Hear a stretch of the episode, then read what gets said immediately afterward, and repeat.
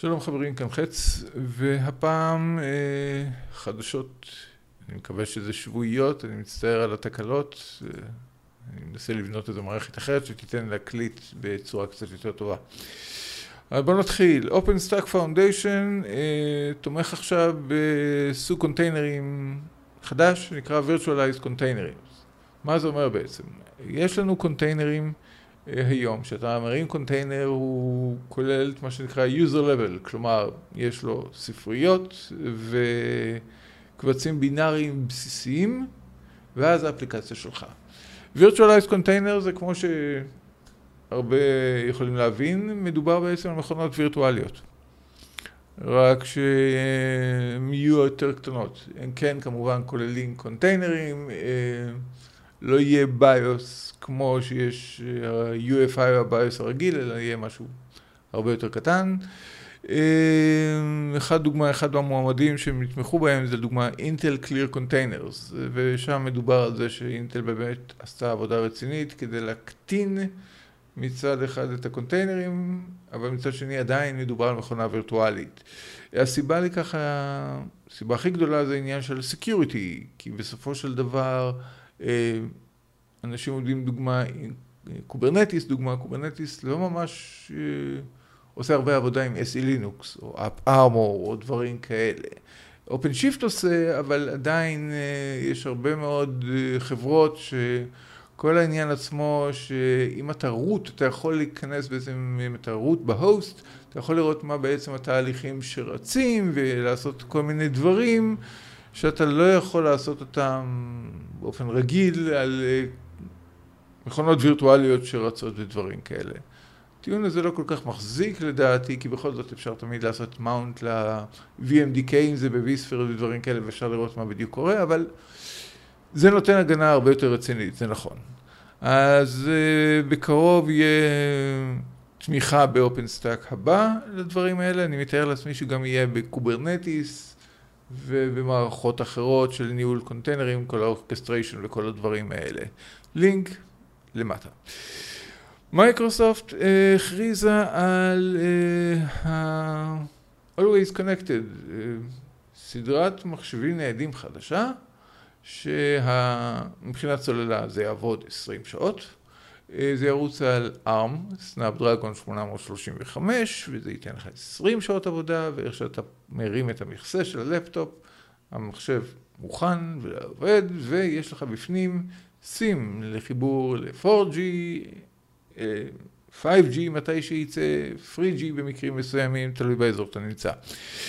אה, בעיקרון קצת היסטוריה, למייקרוסופט היה בעבר את Windows RT, שזה Windows שרץ על ARM שהם עבדו ביחד עם NVIDIA. אה, הבעיה הכי גדולה שגרמה לדבר הזה ליפול, זה פשוט חברות לא הוציאו תוכנות מקומפלות ל-ARM. כך שהיית יכול לקנות והכל את זה, אבל מה תעשה בלי אפליקציות? דפדפן זה לא מספיק, אם בשביל זה אתה רוצה רק דפדפן, לך תיקח לך כרומבוק. בקיצור זה נפל, ומייקרוסופט פשוט החליטה על אסטרטגיה חדשה, והאסטרטגיה החדשה זה בעצם זה שזה יכול להריץ אפליקציות x86. דגש, x86 ולא 64, כלומר אפליקציות 32 ביט יוכלו לרוץ. איך הם ירוצו באופן, באופן עקרוני? המערכת בעצם תיקח את האפליקציה שאתה מריץ, אה, תעשה תרגום דינמי מ-x86 ל-ARM, ואז זה יעבוד בשיטה של וואו, כלומר Windows on Windows. הדברים המתורגמים יריצו, ירוצו על Windows ARM בינארי שנמצא על ה Windows עצמו, ומייקרוסופט טוענים שזה נותן ביצועים שקרובים ל native. בכל זאת מדובר ב Snapdragon 835 ולא באיזה Intel i3, 5 או 7 שיכול די מהר לקרוע כל Snapdragon, אבל מייקרוסופט בקטע הזה הם בעצם מנסים להסביר שזה לא משהו בשביל ה-performance user, אלא יותר העניין עצמו שאם אתה רוצה להריץ לך Office ואתה רוצה לגלוש דברים כאלה. האם כדאי שחברות ילכו ויקנו את המכונות האלה, את הלפטופים האלה וייתנו לנציגי שיווק שמסתובבים בין לקוחות? התשובה שלי, לא. מה שקורה זה שאפליקציות שיכולות לרוץ זה רק אפליקציות שהן לא מדברות עם הקרנל ישירות, כלומר, אפליקציה שצריכה דרייברים בשביל לעבוד, דרייברים של התוכנה עצמה, לא יעבדו על ה Windows הזה. ככה שלדוגמה תוכנות כמו VPN, firewall, אנטיווירוס, שיש לכם כיום, עד שאותן חברות לא יציעו גרסאות ARM, הם לא יוכלו להיות מותקנים אל המחשבים האלה. כך שזה נחמד, אבל לדעתי מייקרוסופט קצת פספסה. לדוגמה, היא יכלה ללכת עם טגרה X, לדוגמה של NVIDIA, שיש לו יותר קאש, הוא יותר מהיר, ואני מתאר לעצמי שמייקרוסופט אולי בגרסה הבאה, הדוגמה תלך על המעבד החדש שקואלקום הכריזה אתמול, שזה הסנאפ דרגון 845, ושבפעם הראשונה, סוף סוף, קואלקום הבינו שצריכים קאש בתוך המעבד. מה אתם יודעים? זה כבר קיים 30 שנה בתוך המעבדים של אינטל ו-AMD, עכשיו קואלקום החליטה להיכנס ולהכניס cache כמות רצינית, 3 מגה בייט. אז אני מתאר לעצמי שבגרסה של ה-Windows הזה שתרוץ על ה Snapdragon 845, הביצועים יהיו יותר טובים. נחכה לאז. עוד פרטים, לינק למטה. עוד משהו, אה, זה יותר לשרתים קטנים ושרתים ללאב או שרתים לבית ודברים כאלה. לאינטל יש אה, מעבד שמתאים לדברים קטנים, יש להם בעצם משפחת מעבדים, את האטום לסרברים.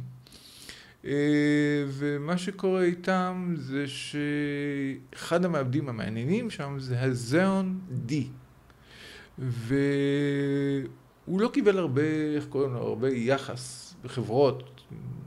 תלכו פה בישראל ותחפשו חברות שיש להן שרתים עם זיאון D, לא תמצאו, כי זה ממש צריך לדעת, לבקש ולקנות את הדברים האלה ספציפית.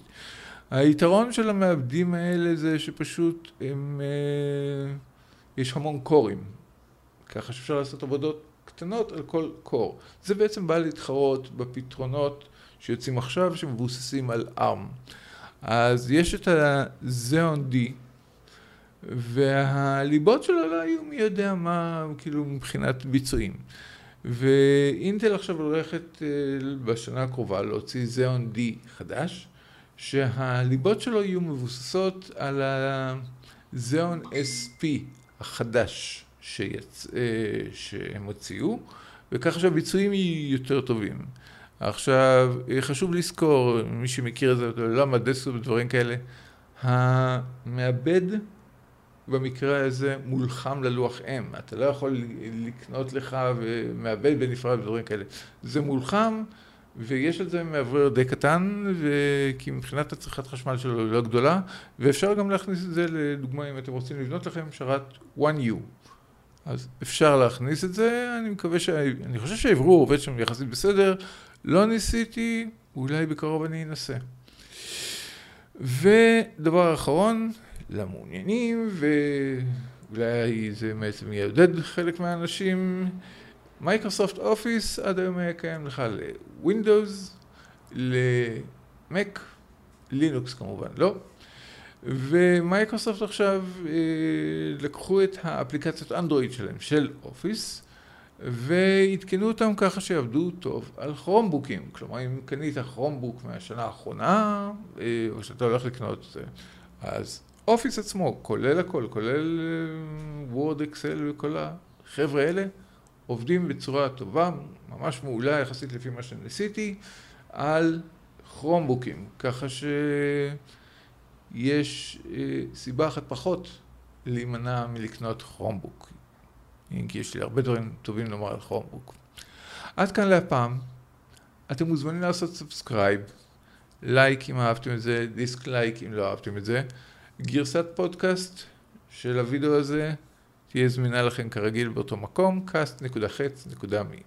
שיהיה לכם סוף שבוע נעים, ונתראה בפעם הבאה.